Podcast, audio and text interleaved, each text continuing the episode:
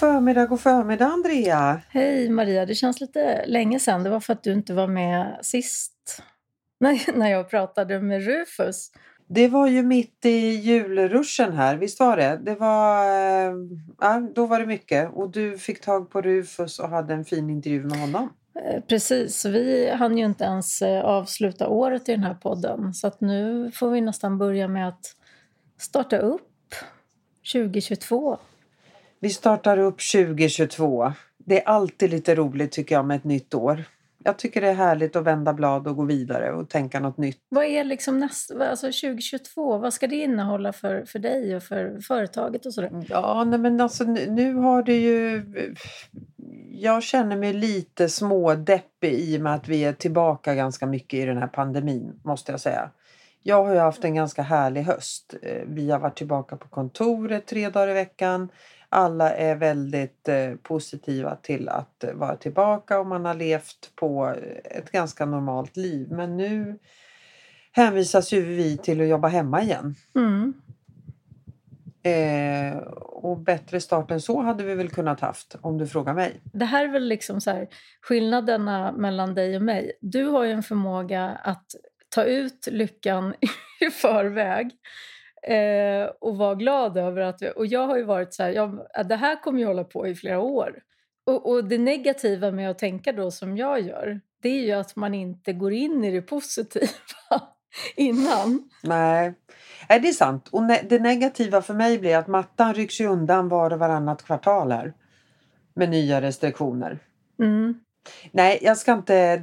Utan jag, jag tänker att eh, framåt våren blir det... Blir, så har det ju varit nu de senaste åren. På våren och sommaren är det ju liksom bättre eh, med smittspridning och då lättas restriktioner och sådär. Men jag tyckte nog att det var lite tråkigt här innan jul när vi fick direktiv att vi skulle hänvisas till hemarbete igen.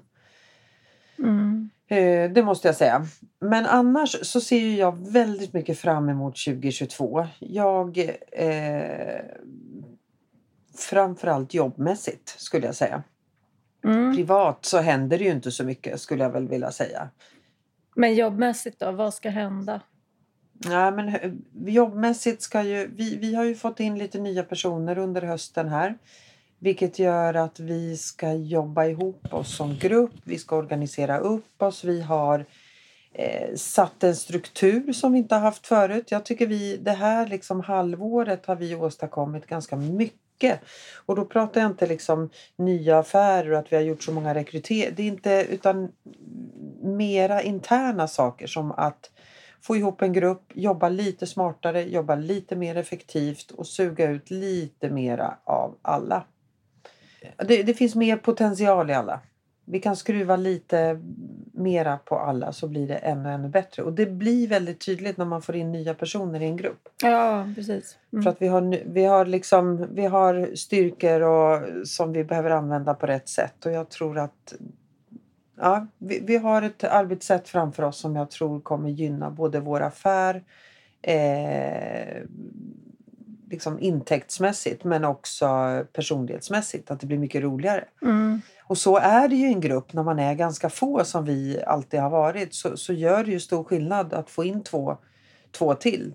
Men och vet att jag med, verkligen. Och jag, jag tänker rätt mycket på det här som, för du och jag har ju ändå pratat mycket om just det här med att eh, driva förändring och både individens förmåga till att ta till sig förändring men också så här, som ledare att kunna driva förändring och så och utmaningarna i det. Och mm. eh, det var, jag tycker att det var så här uppfriskande att prata med Rufus för att han bekräftade rätt mycket av det som jag också tycker. Mm. Alltså så att jag tycker liksom att eh, det är lite så som att man, ska, man lägger så stor vikt vid att på något sätt driva med kraft eh, förändring istället för att på något sätt ha en tillit till att förändring kommer och använda sig av individer som vill. Ja. Och sen så kommer de andra efter. Och jag tycker att det där är så... För att det som det bekräftar blir också så här, det blir mycket mer bekräftande för allas eh, styrkor. Att det liksom är mer en syn på att det fyller sin funktion att inte heller driva förändring. Mm. Hos vissa individer. Därför att de fyller en funktion på andra sätt. det, det, blir liksom massa onödig energi som ska läggas på att försöka få alla åt samma håll samtidigt. Mm. Förstår du vad jag menar? Jag förstår precis vad du menar. Och det tror inte jag är effektivt. För att det, vissa saker går inte att ändra på. Nej, precis så. Och, och just som du säger i människors beteende. Och det, det, mm, nej. Då är det mycket bättre att ha en, en större portion tillit. Mm. Till att det blir Faktiskt. ändå, fast att det sker inte på exakt det sättet som man har tänkt själv och skulle önska. Sådär. Utan man, man ser mer värde i andra sätt. Att det liksom Mm. har en tillit till att det sker. Och det tyckte jag var skönt med honom som har jobbat så väldigt mycket med att driva förändring. Verkligen, verkligen. Men du och du har ju massa spännande projekt här på gång, Andrea. Va? Du pluggar och pluggar och pluggar och blir klokare och visare hela tiden. Men jag håller ju också på så här rätt mycket med att läsa undersökningar och eh, sådär för att man ska... Man måste ju hela tiden jobba med det som är aktuellt nu. Mm. Och det är väl verkligen... Ja.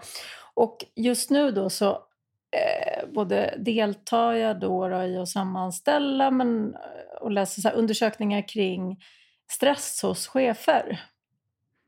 Och det är ju ganska intressant så här, för det har varit så mycket så här undersökningar just som belyser liksom de yttre faktorerna, så här, förväntningar som chefer upplever och att eh, man sätter liksom sina medarbetare att, att man, deras, vad de behöver och så, man sätter det före sig själv och sådär så att det på bekostnad av ja, men den egna hälsan. Liksom. Det har ju visat sig de senaste åren att det är ju en rätt allvarlig situation för Sveriges chefer.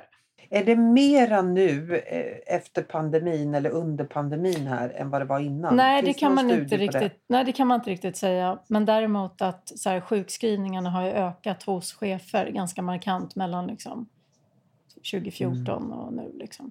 Och Och så här, Vad beror det på? man, man har ju, menar, med tanke på den här äh, nya psykosociala arbetsmiljölagen och sådär. Jag menar, det Mm. blir ju ändå också en effekt av att man sätter sådana lagar som där chefen har ansvar i att uppmärksamma ohälsa och driva och göra åtgärderna och sådär. Och det är ju jättebra. Alltså det är ju för att äh, alla ska må bra i sina arbetsliv. Men, men kraven på chefer har ju på något sätt ökat också i takt med att man ofta kanske eh, gör sig av med lite så här situationstecken onödiga roller i organisationen. Det blir liksom bredare roller, bredare ansvar. Så att man måste ju som ledare vara duktigare och duktigare på att prioritera och, och liksom ja, inte göra allting lika bra. så här. För det, jag menar, tiden har ju bara, vi har ju bara x antal timmar. Men, och, och, ja, så det har blivit en, en ökad stress. Och sen så är det ju också ett problem att färre vill ju bli chefer. Alltså unga människor idag vill inte bli chefer. De lockas inte lika mycket av det där chefskapet. Nej. Och vad beror det på då? För att de ser kanske hur... Ja, precis. Att man Eller? ser att, att tiden man måste lägga ner, mm, eh, liksom, det blir inte värt den, de extra pengarna. Nej. En fråga som jag tycker är intressant, för jag tycker att det är så mycket fokus då på alltså, förväntningar som chefer upplever och, att, och, och det är inget, och så är det ju då, då. Det har blivit tuffare så.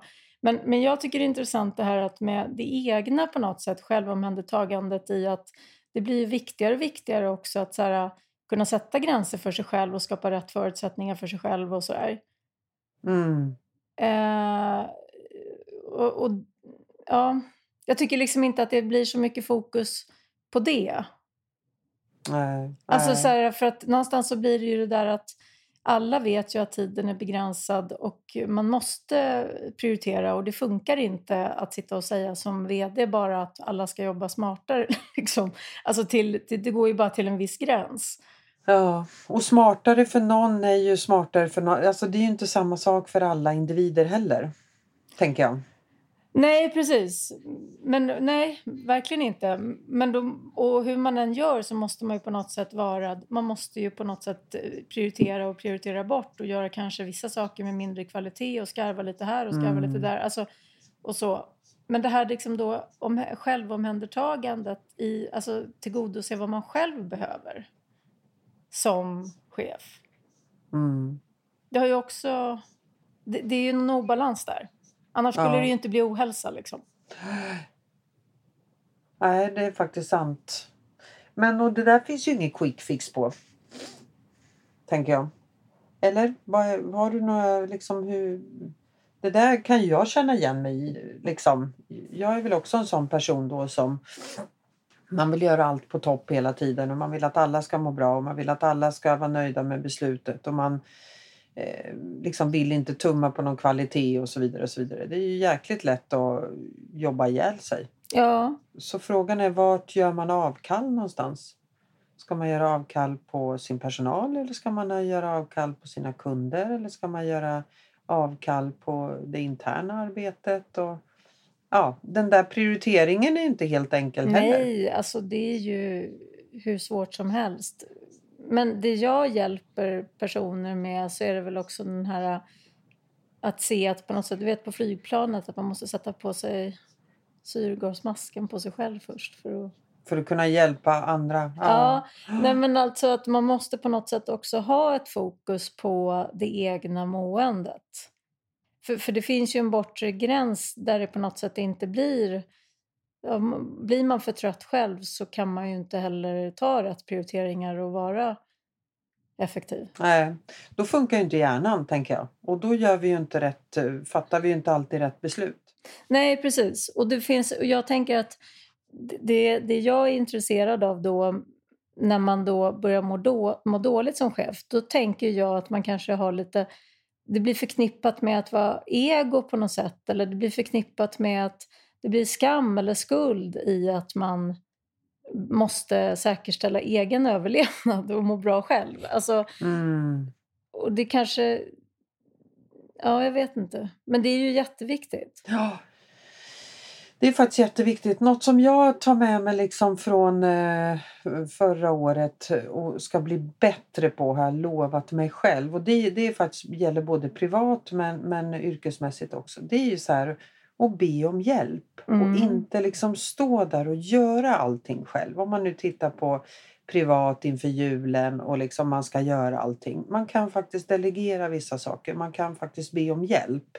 Mm. Det är jag ganska dålig på faktiskt. Utan jag tar på mig och bara, "Ja, men det där löser jag och det där fixar jag. Och, och sen står man själv med liksom häcken full. Istället för att faktiskt be om hjälp. Och det, det går att göra på jobbet också. Man behöver inte göra allting själv.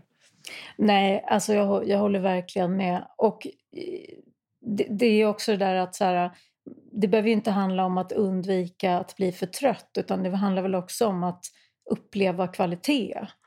alltså, ja, alltså så här, det är klart att man kan vända ut och in på sig själv och, och så här, men, men det blir inte kul. nej, vare sig för dig själv eller Nej, omgivningen. verkligen. Och då, Mm. Men då, det, det är svårt för, för det har jag fått i feedback eh, privat och så, att det är inte så lätt.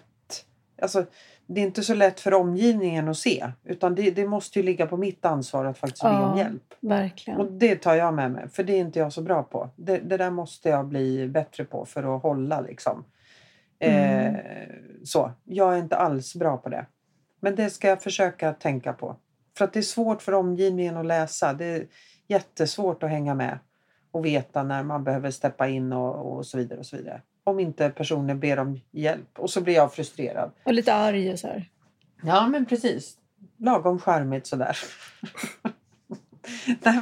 Så att det där ska, det där är liksom, nu brukar jag inte ha några nyårslöften och jag brukar inte använda ordet nyårslöfte heller. Men jag, det där ska jag bli bättre på det här året. Mm. Så har jag sagt till mig själv. Det är viktigt. Och det blev väldigt påtagligt i december när det är så himla mycket. Både vi har haft jättemycket på jobbet och vi har haft, eh, ja men det är alltid mycket privat upplever jag också. Eh, Men alltså på riktigt, alltså november, december Maria. Alltså Jag jag, vet. Vad, vad, liksom, vad hände?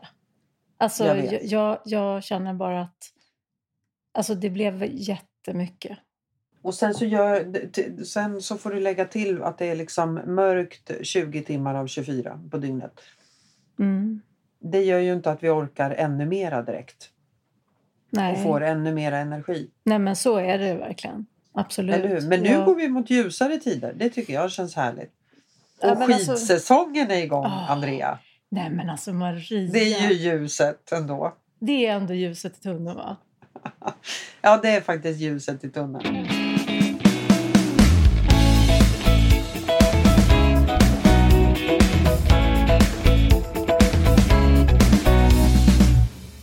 Jag på och försöker landa lite inför måndag. För det, det drar ju igång. Liksom, Det är ju inte någon smygstart kan man säga. Nej. Men du, får jag fråga, när man kommer till dig, när de här cheferna kommer till dig och behöver hjälp, Mm. har, kommer personerna i tid eller kommer de när det har runnit över lite för mycket? Alltså, det, det är ju ganska många där det har runnit över och att det har gått ganska långt. Eh, och då kan det vara riktigt illa liksom. Alltså det är ja, men, djupa, djupa depressioner. Totalt utmattad. Alltså det här att du verkligen, det har slutat fungera.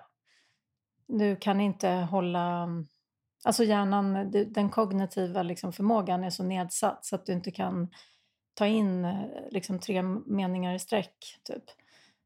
Eh, och bara helt, helt, alltså jättetrött. Eller liksom, ja men och och just som med djupa, djupa depressioner där det handlar om Ja, men det är där jag menar att det blir, blir andra insatser. Det blir mina samarbeten med psykiatriker, det är medicinering och sjukskrivningar och det, alltså så. Och sen så blir, kan man ju inte släppa individer heller. Alltså bara, ja, vi ses om Nej. två veckor. Alltså läget kan vara så kritiskt så att, så att det handlar om många fler möten under ganska kort tid och sådär. Mm. Men, men vad skulle du vilja säga då till, till sådana som kanske känner igen sig lite i det här att man, man är på, på gränsen till att... Alltså, det, det måste ju ändå bli liksom att eh, sök hjälp i tid. För att annars så får du dubbelt upp liksom. Ja, men ja, så är det absolut. Och jag tror att, de, att idag så, så vet väldigt många det där. Men det jag har märkt är ju att just så november, december och det som har blivit då tungt på något sätt i att det har varit ganska svåra situationer, då blir det fokus på så här, mm, det mest primitiva, alltså mat, eh, sömn. Alltså man får Mm. liksom, eh, ja, man får fokusera väldigt basic.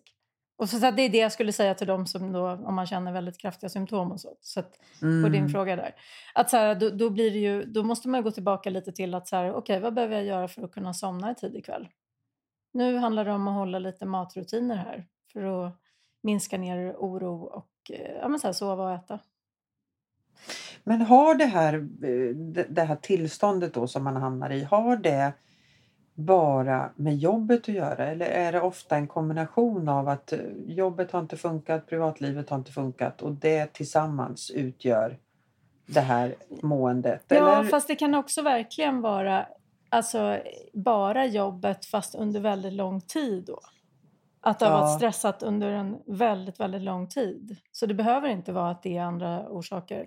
Men, men det är inte så att man blir så här sjuk av tre månaders stress ofta. Nej, För då nej. är det ofta liksom en skilsmässa i kombination eller att precis. eh, liksom, hälsotillståndet på andra sätt och sådär. Eller barnen eller liksom. Men annars så liksom har, man, har man jobbat extremt under lång tid, alltså några år sådär. Eh, Mm, då kan det absolut landa där. då landar det liksom. Ja. Plus att det jag ser också, det som har... För, jo, men alltså det här när det bara är jobbet. Pandemin har ju på flera organisationer har jag sett det här att man har kanske gjort sig av med rätt mycket folk. Mm, Eh, och mm. de som är kvar då, liksom, då har det ju landat rätt mycket mer på dem. För, för att man måste ju också, det tar ju ett tag att identifiera liksom, vilka nya profiler man ska anställa och vad, vad som behövs egentligen framåt. Och, alltså, så här, det är ingenting som bara går på ett kvartal.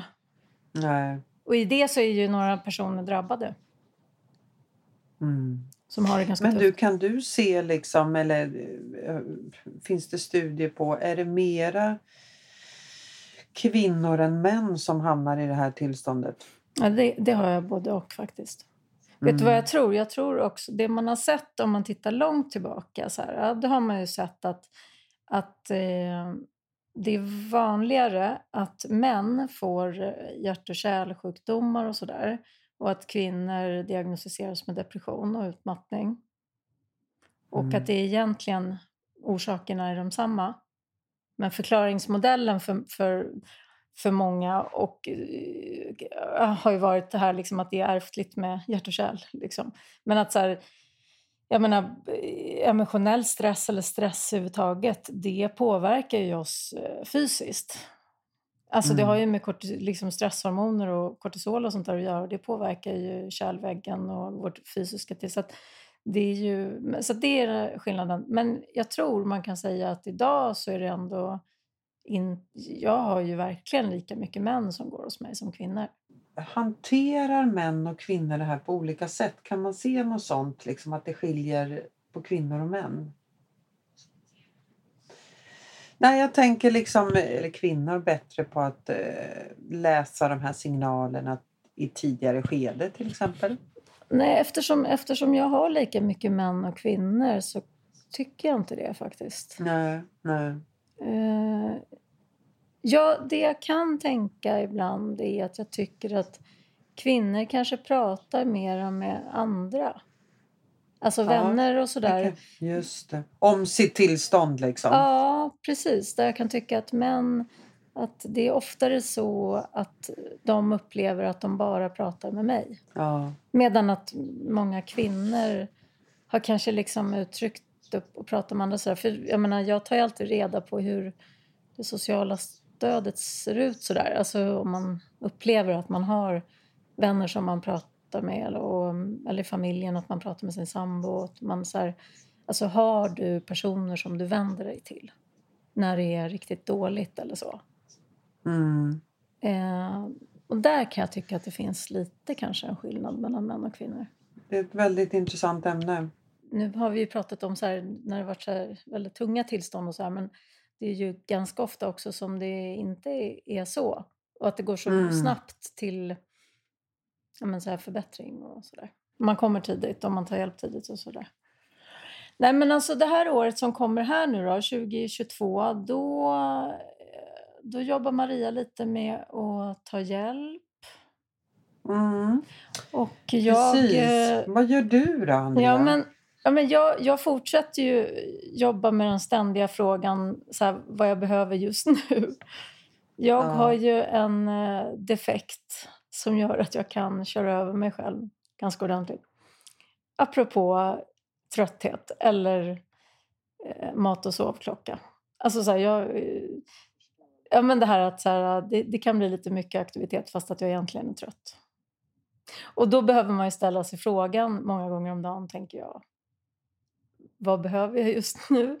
Är jag kanske lite trött nu och behöver ta en paus typ? Men det är väl bra att det finns eh, utvecklingspotential och saker att jobba på. Det vore ju väl tråkigt annars, tänker jag. Ja, och de, precis, ja. Eller hur? Mm.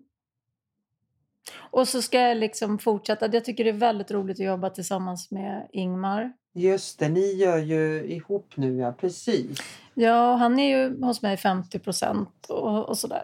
Och, och det är roligt att ha en... Kollega. Psykolog- du har ju inte kollega. haft det Nej, tidigare. nej, verkligen. Det är ju en utveckling i mitt företag. Mm, visst är det så. Jag har ju samarbetspartners som jag jobbar tajt med, men de sitter ju inte hos mig. Liksom. Nej. Det är roligt. Så det ser jag fram emot att eh, Utveckla det. Ja. ännu mer. Ja, Nej, men det ska bli spännande att se vad det här året har att erbjuda. håller med. Men du, det kanske ska avrunda det här avsnittet och sen så tycker vi ju liksom att det är roligt när ni lyssnare mejlar in. Ta gärna upp ämnen som ni tycker att vi ska belysa och prata om. Mm. Vi behöver alltid lite idéer, eller hur Andrea? Ja, kan vi inte liksom verkligen... Eh, jag ska göra ett inlägg om det, tänkte jag nu. Ja, på. bra. Det är ju jättebra, så vi ber om det. Det var ett tag sedan. Som Det vi fick in. ett- Ja. Ja, det var det faktiskt. Så att, och, och vi har ju inget eh, gemensamt eh, konto numera utan det är ju Andreas privata och Marias privata, eller hur? Mm, mm. Så att eh, ni når oss där och vi tar tacksamt emot uppslag på, på ämnen. Mm. Men med det sagt så kickar vi väl igång veckan då, Ja, eller hur? eller hur? Vi gör det. Och eh, gud, vi ska ta Åre också Maria, det blir bra. Det blir jättebra. Mm. Kram på dig och eh, gott nytt år. Detsamma. Mm. Hej så länge. Hej så länge.